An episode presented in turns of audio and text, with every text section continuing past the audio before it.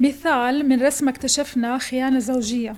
في مرة اكتشفتي من خلال الرسم الطفل عنده حالة خاصة؟ هو جدا سعيد بهذا الإنجاز. يعني هذا الطفل مستقبله غامض. وكل طفل له شخصية. هن الإخوة ومختلفين عن بعض. بعد ما كان طفل اجتماعي صار طفل عدواني.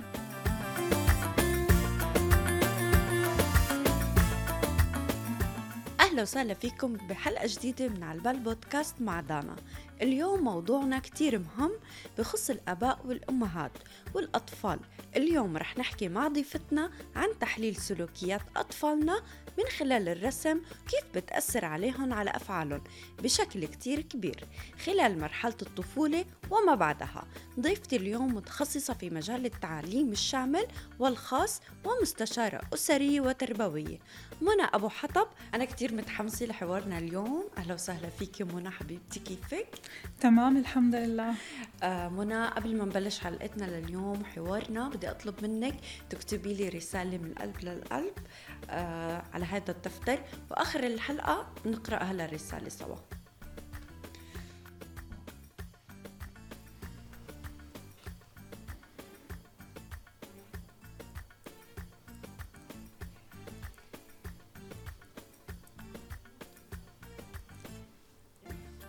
حابة تعرفي شو؟ أن ولا؟ آه لا آخر الحلقة.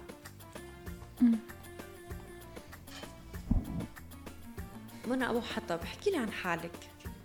أنا منى نشأتي كانت في المملكة العربية السعودية. عشت طفولتي كلها في جدة. وبعدين انتقلت لفلسطين لأكمل آه، دراستي. وبعدين انتقلت على دولة الإمارات العربية بعد ما خلصت الدراسة. في البداية كان مجال شغلي مع الأطفال فكنت إني أتعامل معهم بشكل مباشر. ومن خلال المشاكل اللي مرت علي قررت إني أنا أتخصص في مجال الأطفال وإني أعرف أكثر عن هذا المجال وأخذ دورات كتير. وعندي حاليا ماجستير في التربية الخاصة والشاملة والدامجة ومستشارة أسرية وتربوية. طبعا استغليت هذا الشيء اللي صار معي أني أنا أبدأ أنشر الوعي والثقافة وأوصل لأكبر عدد ممكن من, من الأهل. لا أخبرهم أنه إحنا كيف فينا كأهل نخلق بيئة آمنة للطفل لينمو وليتطور بالشكل السليم والصحيح.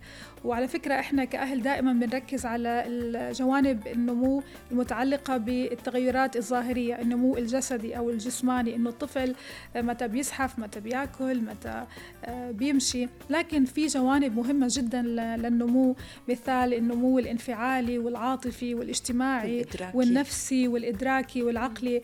فعشان هيك أنا دائما بنصح الأهالي إنه لو عندكم طفل حاولوا تقرأوا عن جوانب النمو المختلفة عشان يكون عندنا في الآخر طفل آه، سليم وينمو بشكل صحي.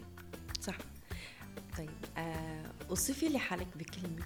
أنا بوصف حالي إني أنا أم لثلاث أطفال ومن خلال عملي كمان كل طفل أنا عم بلتقي فيه وبحس عن بحس إنه عنده مشكلة برتبط فيه بشكل كتير كبير. فبحس حالي إنه أنا أي طفل بيجيني وعنده مشكلة بحس إنه عن جد إني أنا مثل أمه. يعني كثير بحاول إنه أساعده وإني أتواصل مع الأهل لنساعده ونلاقي حل للمشكلة. والشغلة الثانية إنه الأمومة هي أعظم مهنة يعني أعظم شيء في الحياة الأمومة. صح. حلو. بما إنه قرب عيد الأم آه لو هلأ مثلا آه أمك واقفة قدامك آه شو حابة تحكي لها؟ كلمة من قلبك؟ ماما والدتي يعني كل كلمات الدنيا ما بتقدر تعبر عن مدى حبي وامتناني وشكري وتقديري إلك ودعواتك ورضاكي عني عن جد يعني سبب نجاحي في الحياة.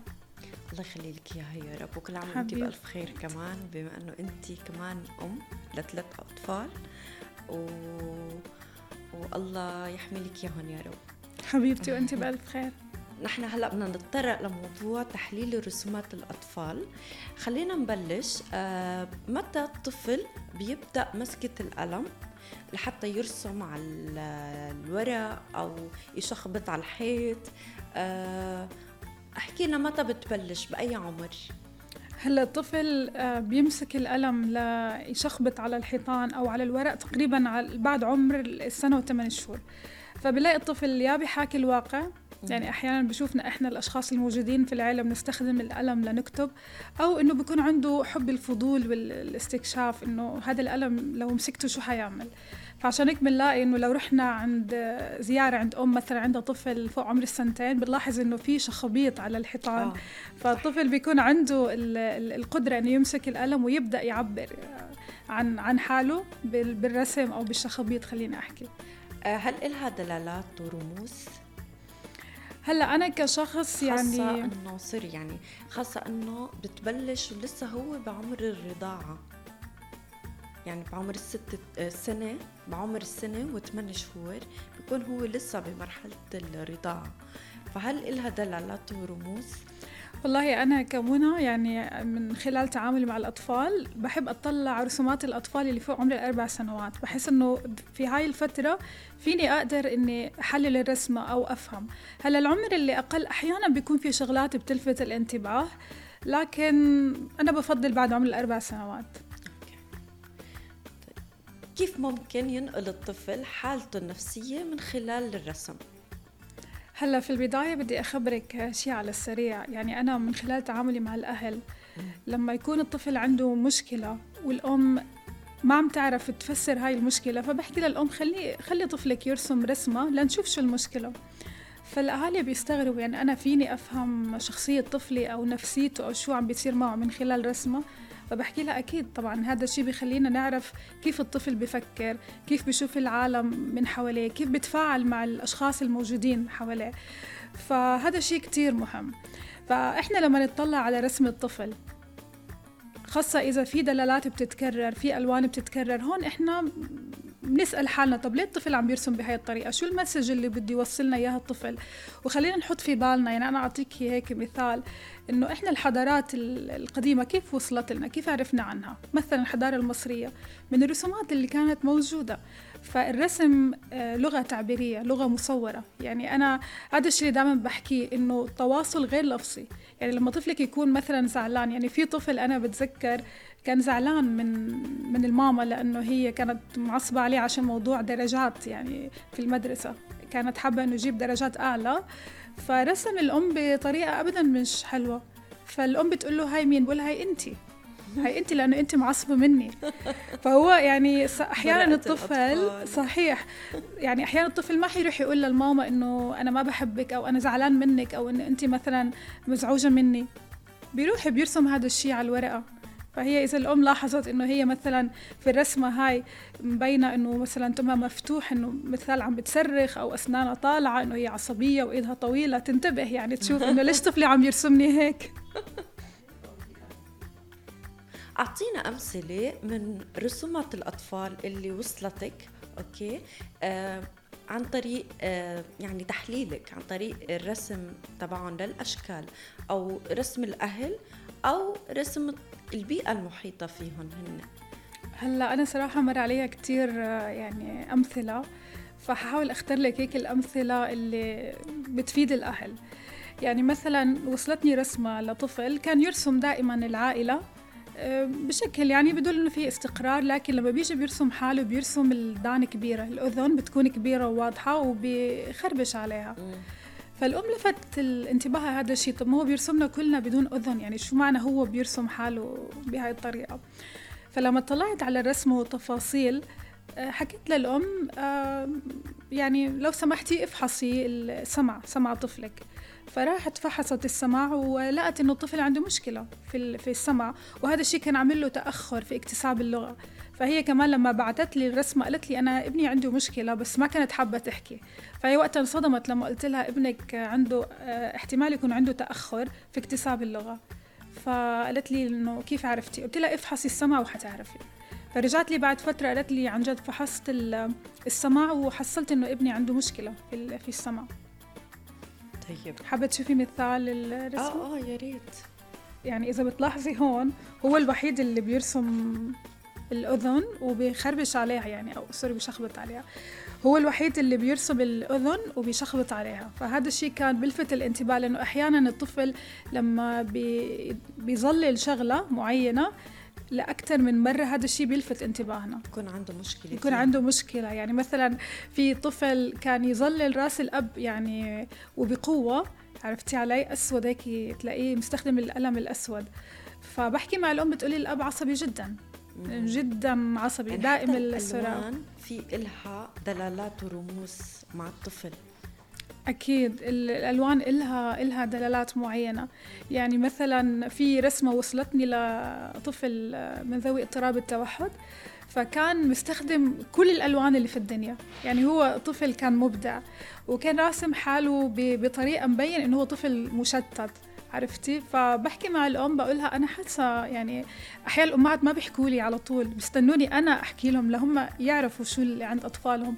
فقلت لها من الألوان المستخدمة وطريقة الرسم الطفل عنده ما تزعلي مني أنا كنت خايفة إني أحكي لها يعني إنه في مبين اضطراب أو شيء. قالت لي فعلا طفلي عنده اضطراب طيف التوحد ودائما بيرسم بهاي الطريقة. فالألوان بتدل مثلا اللون الأزرق طفل هادي اللون الأحمر طفل عنده قوة الشخصية واحيانا عدوانية. اللون البرتقالي لون الطاقة والحيوية والنشاط اللون الأخضر لون الطبيعة والسلام والهدوء. فالألوان بتدل على شخصية الأحمر القوة وأحيانا العدوانية كمان.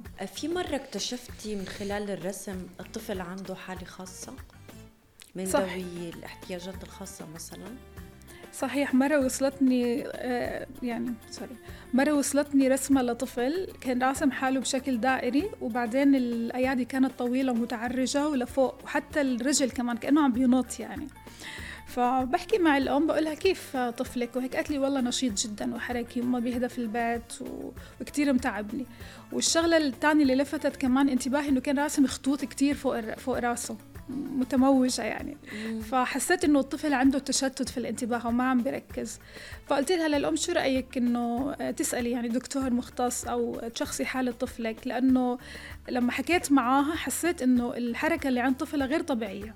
يعني أحيانا الأمهات ما بيفرقوا بين فرط الحركة والنشاط والشقاوة.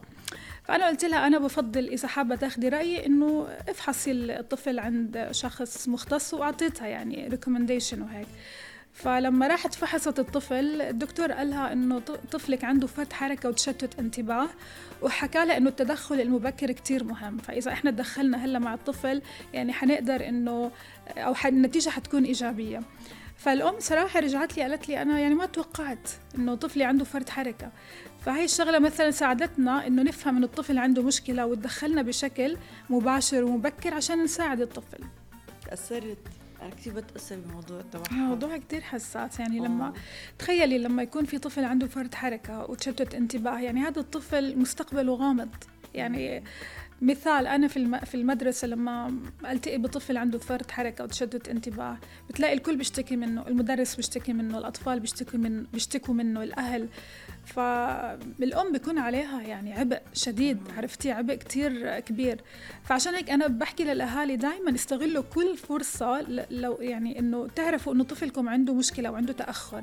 لأنه دائما دائما التدخل المبكر يعني بيكون بمصلحة الطفل دائما طبيعي أكيد وخاصه مثل ما قلتي يعني آه، الأصحاب دول أصحاب الهمم اللي هن التوحد أو الحالات الثانية هذا الموضوع رح نتطرق فيه رح نحكي فيه حلقة كاملة. إن شاء الله. آه إن شاء الله. لنعطي توعية آه، كثير كبيرة عن هذا الموضوع لأنه آه أصحاب الهمم لهم حق كثير كبير يكون في توعية واهتمام آه بصفة كثير عالية أكيد. طريق الأهل وحتى المجتمع اللي حواليه مش بس الأهل كعائلة أكيد. كمدرسة ك كشغل حتى بتعرفي أنا بشغلي كان في عنا آه، جابوا لنا ناس من أصحاب الهمم آه، جابوا لي ثلاث شباب ما بتتخيلي اكتشفت حالي بناحية إنه أنا كتير حساسة بهذا الموضوع. مع إني ما بحياتي يعني صادفت أو تعرضت لهيك موقف إلا بس لما جابوا لي يعني عادي أشوف أي موقف منهم هيك بصير تأثري صحيح بصير أبكي إنه يا الله يا الله كيف هيك. هدول بس بده الناس آه بده الناس تكون رحيمة لحتى كيف تتعامل معهم أكيد. وصبر. صبر كتير كبير. أكيد. يعني أنت هلأ عم تحكي لي عن هذا الموقف وأنا عم بتذكر شيء. يعني أنا قبل فترة كنت في القمة العالمية للحكومات في دبي. واللي لفت انتباهي أشخاص يعني شباب كانوا عم بيضيفوا عم بيعملوا قهوة. فلفتوا انتباهي جدا يعني. فحكيت مع واحد منهم لقيته هو من عنده اضطراب طيف التوحد هو عارف. بيقول لك أنا عندي اضطراب طيف التوحد وأنا اليوم موجود هون في هذا المكان. لأسوي قهوة للناس. هو جدا سعيد بهذا الإنجاز. فصراحة يعني في عنا نماذج هون في المجتمع لما تشوفيها بتكوني سعيدة جدا. صح خاصة أنه دولة الإمارات آه، بتسعى دائما لحتى آه، تنمي وتلقي آه، الضوء على أصحاب الهمم. يعني أكيد. أيه. يعني هذا موجود حتى في السياسات الوطنية في سياسة وطنية لتمكين أصحاب الهمم. بيركزوا على كتير محاور مثل محاور محور الصحة إعادة التأهيل والتأهيل المهني. فهاي جوانب كلها مهمة وبيركزوا كمان على دمجهم في كل الأنشطة الثقافية والرياضية وبيخلقوا لهم فرص يعني متكافئة. وفرص إنهم كمان يكونوا في في المجتمع اللي إحنا بنسميه المجتمع الدامج اللي بيقبل كل الفئات المختلفة طيب شو دور المجتمع آه لحتى يصير في دمج بين بينهم وبين أصحاب الهمم؟ يعني أول شيء آه بحكي التقبل. التقبل جدا جدا مهم. والشغلة الثانية اللي هو رفع الوعي. كتير مهم إنه إحنا نوعي المجتمع وأفراد المجتمع بتعرفي من من المدرسة يعني المجتمع الصغير لما نبدأ نحكي إحنا لأطفالنا عن أهمية دمج الأشخاص آه، من أصحاب الهمم اللي عندهم إعاقة أو عندهم اضطرابات في المجتمع المدرسي هون التقبل بينعكس بشكل إيجابي على المجتمع ككل. هو التقبل أهم شيء بس كمان لازم يكون في توعية آه، كتير كبيرة لطرق آه، تانية لحتى يقدروا يتعاملوا مع أصحاب الهمم. يعني التقبل الصبر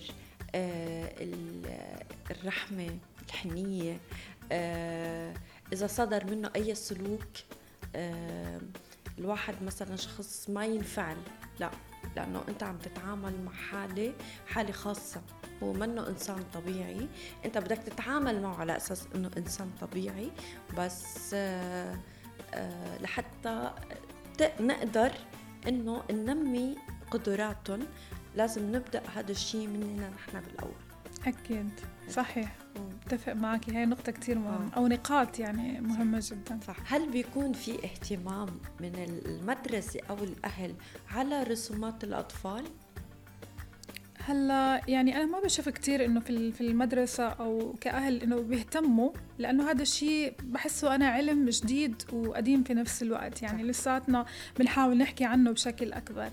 لكن أنا من المواقف اللي صارت معايا مثلا إنه كان في مدرسة التربية الفنية كانوا الأطفال عم يرسموا البيت والطبيعة. كان هو هذا الدرس يعني اللي كانت عم بتحاول توصله المدرسة لهم في طفل وكان هذا الشيء للمرة الثانية يتكرر إنه ما بيرسم الشيء اللي بتحكي عنه المدرسة.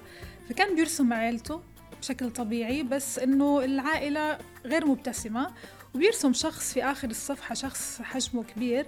وبيعمل له أسنان بارزة وإيد طويلة جدا وحتى الأصابع طويلة وشكله مخيف يعني. فالمدرسة لفت انتباهها هذا الشيء. يعني انتبهت إنه أنا بحاول آه، يعني أعلمكم كيف ترسموا الطبيعة والبيت وهذا الطفل عم بيرسم شيء مختلف تماما. فهاي الرسمة وصلتني. آه، فلما حكينا مع الأم الطفل كان عم يتعرض للضرب من العاملة المنزلية. فطفل عمره آه، ست سنوات أحيانا صعب يحكي للأم خاصة لما يكون مثلا في تهديد من العاملة إنه ممنوع تحكي لماما أو ممنوع مثلا خوف. فكان الطفل يتعرض للضرب. فالأم راجعت الكاميرات وشافت إنه الطفل كان يتعرض للضرب لما هي تكون خارج البيت. فاللي بدي أحكي لكم إياه إنه الطفل أحيانا ما بيقدر يستخدم الكلمات ليعبر ليجي يقول ماما مثلا أنا مزعوج أنا متضايق أنا زعلان. فبنلاقي الطفل بيتجه للرسومات. بتلاقيه بيعبر عن حالته الداخلية وعن نفسيته من خلال الرسم. فعشان هيك أنا بنصح المعلمات لما يلاحظوا إنه الطفل بيكرر رسمة بشكل دائم وبنلاحظ إنه هاي الرسمة غير طبيعية ضروري إنه نتواصل مع الأهل لنفهم شو اللي عم بيصير مع الطفل. لا حلو الموضوع. لأنه ممكن يكون الأهل يكون الطفل عنده مشكلة بس الأهل ما عارفين مثل هاي الحالة. صحيح. العامل المنزلية كانت تعنف الطفل والأم ما بتعرف. ما بتعرف. وبتعرفي من الشغلات كمان اللي بتذكرها إنه كان في طفل عمره خمس سنوات وكان طفل اجتماعي جدا و وبحب يتفاعل مع الجميع وإلى آخره. ففجأة الطفل صار طفل عدواني جدا يعني. والمدرسة كانت محتارة والأم كانت محتارة إنه ليه الطفل بعد ما كان طفل اجتماعي صار طفل عدواني وحساس جدا. فلما طلبنا من الطفل يرسم رسمة لأنه إحنا ما كنا عارفين نفسر الحالة اللي فيها الطفل. الطفل رسم رسمة شوية غريبة رسم الأم في قاع يعني في طرف الصفحة خليني أحكي على الزاوية اليمين. ورسم هو وأخته على الزاوية اليسار ورسم شخصين جنب بعض في نص الصفحة. فلما حكينا مع الطفل إنه مين هذا قال لي هذا أنا وهاي أختي وهاي ماما وكلهم بعاد عن بعض. طب مين الموجود في النص؟ بابا. مين جنب بابا؟ ذكر اسم العاملة المنزلية. فبعد ال... بعد ما حكينا مع الأم لأنه أحيانا بنحاول يعني نشوف في الخلفية خلفية الطفل البيئه الموجود فيها. الأم كانت بتعمل لساعات طويلة خارج البيت والطفل للأسف يعني شهد أو شاف موقف. يعني خليني أحكي هو كان عبارة عن خيانة زوجية. وطفل عمره ست سنوات صعب يروح يفسر أو صعب يروح يحكي إنه شو اللي صار معه. فمن الرسم عرفنا إنه كان في خيانة زوجية وهذا الموضوع كان شوي صعب على الأم وعلى الطفل اللي حكى بعدين تفاصيل يعني كانت صادمة جدا بالنسبة للأم. طبعا صعب عليها إنه تكتشف خيانة زوجها لإلها من خلال الطفل يعني لو هي اكتشفت لحالها أسهل عليها بمرات كتير كبيرة من إنه ابنها يشوف هيك منظر لأنه هيك منظر حتأثر على على مدى العمر. لهذا الطفل لسلوكه لحياته لنفسيته حتأثر عليه كتير. صحيح. يعني تخيل حتى هو رسم حاله في زاوية والأم في زاوية. يعني هو بده يوصلنا مسج إنه أنا ماما بعيدة عني. وبعدين هو حكى هذا الكلام. يعني صار يبكي وقال أنا ماما ما بشوفها. يعني ماما بشتاق لها. فالأم يعني كانت بالنسبة لها صراحة صدمة. هي ما كانت حاسة. هي بالنسبة لها أنا بطلع بشتغل بحاول إني أوفر يعني حياة كريمة لأطفالي. بس اللي صار هو كان العكس. يعني أحيانا بعد الأم عن الطفل كانت يعني الأم دوامها طويل من الساعة السابعة للساعة تقريبا السادسة مساء. فشوفي قد إيه الفترة البعيدة يعني اللي بتقضيها أو الفترة الطويلة قصدي اللي بتقضيها الأم خارج البيت. سبحان الله هيك الأهل في قصص طبعا خارجة عن السيطره بس في أمور لازم الواحد يعوض. يعني إلا ليكون في تعويض إنه يعني تعوض وقت انها تقضي فيه مع اولادها يعني شوفي هي مثلا كل يوم 11 ساعة 11 ساعة هي بعيدة عن البيت. طب طفل وبعد ساعتين ثلاث ساعات بده ينام. أكيد. إمتى بده يشوف أمه؟ صحيح. بهيك حالة يعني أنا مثلا هيك بحالي بتعاطف مع الطفل تلقائيا يعني. أكيد. آه لأنه شوفي بسبب أكيد هي موضوع خارج عن السيطرة لأنه هي بالنهاية عم عم بت عم تشتغل أكيد. عم تسعى وعم بتتعب. بس كمان آه شو بالمقابل الأب عم بيخونها مع عاملة المنزل والمشكلة بتعود آخر شيء على الأطفال. أطفال. صح وهي بصراحة يعني من المواقف اللي أنا ما بنساها إنه حتى الطفل لما إجا حكى معانا كان الموضوع صعب جدا. يعني حتى الأم كانت آه، منهارة.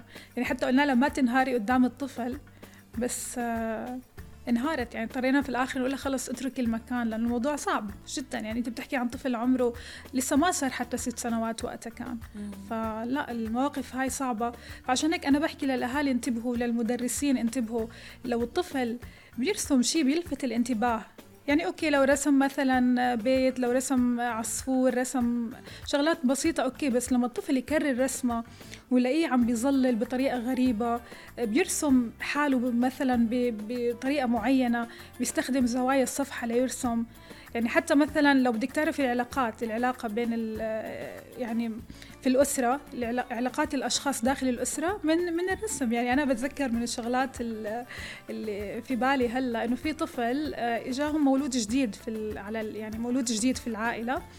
فرسم رسمة إنه رسم الأب والأم ورسم حاله في النص وسعيد والأم سعيدة والأب سعيد ورسم المولود الجديد على طرف الصفحة وخربش عليه بالأسود. فبقول لماما هذا ما بدنا إياه. فهو بده يوصلنا مسج إنه أنا وماما وبابا بس. هذا الطفل هذا المولود الجديد مش معانا عرفتي؟ ومن الشغلات الحلوة كمان هاي خلت الأم جدا سعيدة إنه طفلها رسم الأم في نص الصفحة بطريقة جدا حلوة يعني وحجمها كبير والأشخاص حتى الأب كله نفس الأحجام. فالأم كانت عم تتحمل مسؤولية كبيرة يعني جوا البيت وكانت عم تشتغل وهي كانت المهتمة فيهم الأب كان أحيانا بيسافر. فالطفل شايف إنه ماما هي اللي بتتعب يعني ماما هي اللي متحمله المسؤولية. فلما أنا حكيت للأم جدا كانت سعيدة إنها تسمع هيك شيء ولما حكت مع ابنها قال لها ماما أنت كثير بتتعبي. أنا كثير بحبك يا ماما. فتخيلي إنه الأم أوكي أنا عرفت إنه ابني كيف شايفني. واحيانا بنلاقي الطفل بيرسم الأم بعيدة أو الأب بعيد أو مثلا بتلاقيه علاقته آه، مع أخوه شوي متوترة فبيرسم الأخ بعيد وبتلاقيه بيرسمه بشكل مش حلو. فبقول لها للأم أطفالك بيتخانقوا؟ بتقولي آه دائما. دائما علي دائما بتخانق مع محمد. فبتلاقيه بيرسم بآخر الصفحة عرفتي؟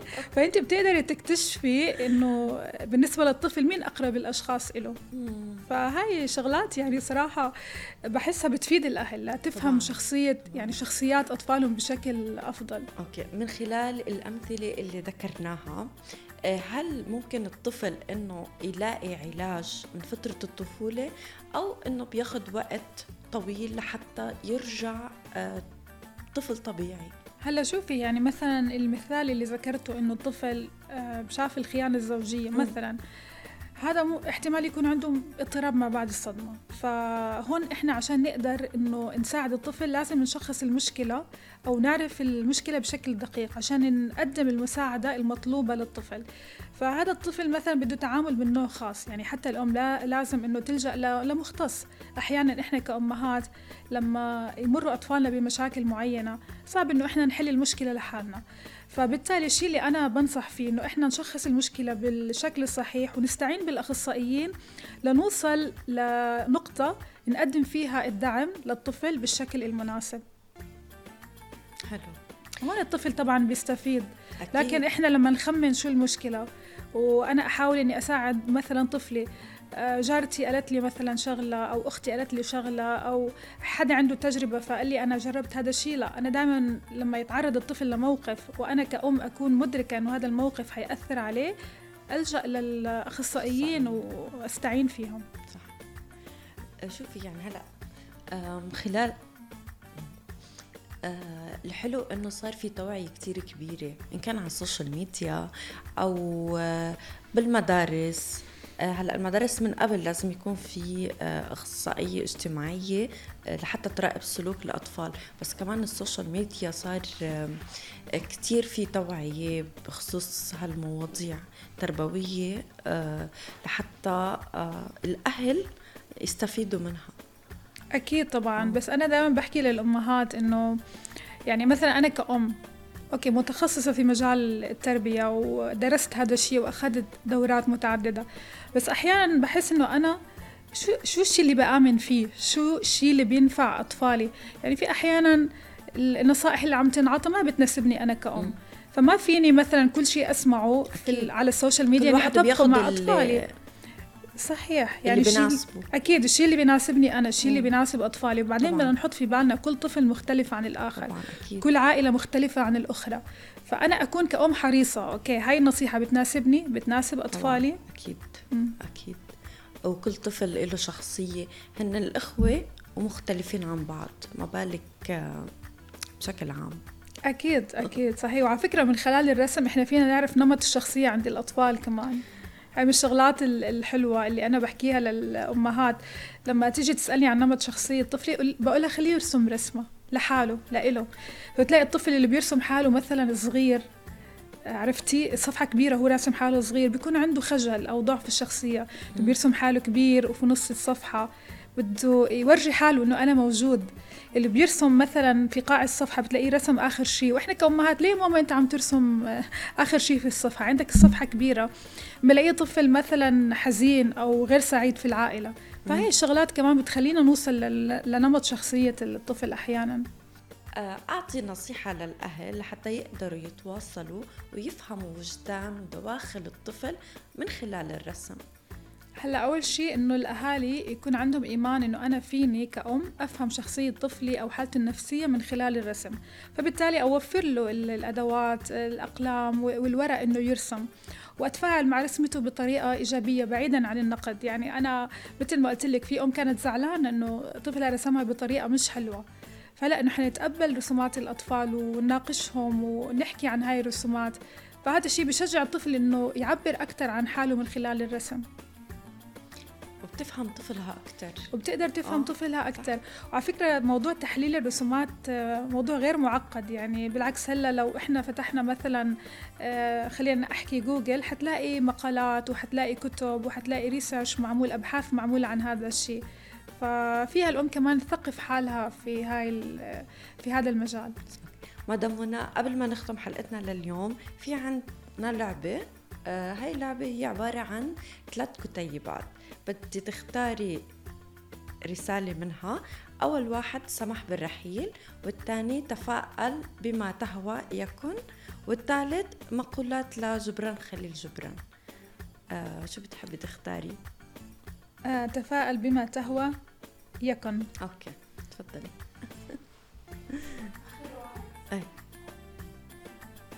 اخترت أول واحد. okay. التفاؤل هو دليل الثقة بالله وأقداره والإيمان المطلق بالذات والقدرة على تحقيق النجاحات. wow هذا شيء أنا عن جد بآمن فيه. حلو. آه طيب. آه مدام منى هلا بدنا نقرأ الرساله اللي كتبتي لي إياها قبل ما نختم حلقتنا لليوم. أكيد. أوكي. حبيتها لأنه أنا عن جد بآمن بهذا الشيء حلو ودائما بحكي للأشخاص على فكرة المحيطين حتى فيها. أنا دائما الواحد لازم يكون متفائل وعنده حسن ظن بالله بكل الأوقات حتى أكيد. بالأوقات الصعبة صعبة. أوقات صعبة هي أهم وقت الإنسان إنه آه يفكر بحكمة وإنه ربنا أكيد رايد لك الأحسن بكل شيء أكيد. صحيح أنا كتبت لك اليوم هيك شكرا لك على الاستضافة الجميلة اليوم. أتمنى أن يكون آه، حوار اليوم ليس فقط مجرد حوار لكن حوار هادف ومفيد. وأخيرا سعيدة جدا إني تعرفت عليكي هذا أحلى شيء صار اليوم. حبيبتي والله وأنا كمان. بالعكس آه، تشرفت فيك منى. آه، الحلقة اليوم كثير ممتعة. وأكيد يعني يعني بتمنى أنها توصل لكل بيت كل بيت عنده أطفال لحتى آه، رسالتنا توصل للناس ويصير في توعية أكثر بموضوع تحليل رسومات الأطفال اللي إلها دور أساسي إنه نفهم شخصية الطفل وطريقة سلوكه وتعامله بالبيئة المحيطة فيه. بالعكس يعني شرفتيني حبيبتي وأهلا وسهلا فيكي بحلقتنا لليوم من على البال بودكاست مع دان شكرا حبيبي يعطيك العافية. شكرا آه، لكل حدا موجود اليوم وللكاست اللي اللي موجودين معنا من بداية الحلقة وشكرا لك وإنك أعطيتيني الفرصة اليوم لأحكي عن هذا الموضوع اللي أنا كل ما أحكي عنه بواجه انتقاد لأنه الأهل لساتهم يعني مش وصلت لهم الفكرة إنه من رسمة فيني أفهم شخصية طفلي أنا لأنه بآمن شوفي أنا بحب أتطرق لمواضيع الأطفال كتير. آه، بحب يكون في عندي توعية لحتى كمان أنا يعني إني دارسة بال أوكي. إنه أنا دارسة إعلام آه، فبحب يكون عندي ثقافة بكل شيء. أي موضوع بخص الطفل بتلاقيني بحب أدخل وأتعمق فيه بطريقة مش طبيعية. حلو. لحتى آه، أقدر إني أنا أساعد إن كان خواتي أو رفقاتي قرايبي آه، آه، يكون في توعية لهالقصص هاي لأنه كتير مهمة. هاي مهمة صعبة وعلى فكرة أنا بحس إنه أنت من الأشخاص اللي عن جد قادرة تعملي هذا الشيء حبيبتي شكرا. كتير. أهلا وسهلا فيك منى شرفتينا اليوم. شكرا حبيبتي يعطيك العافية.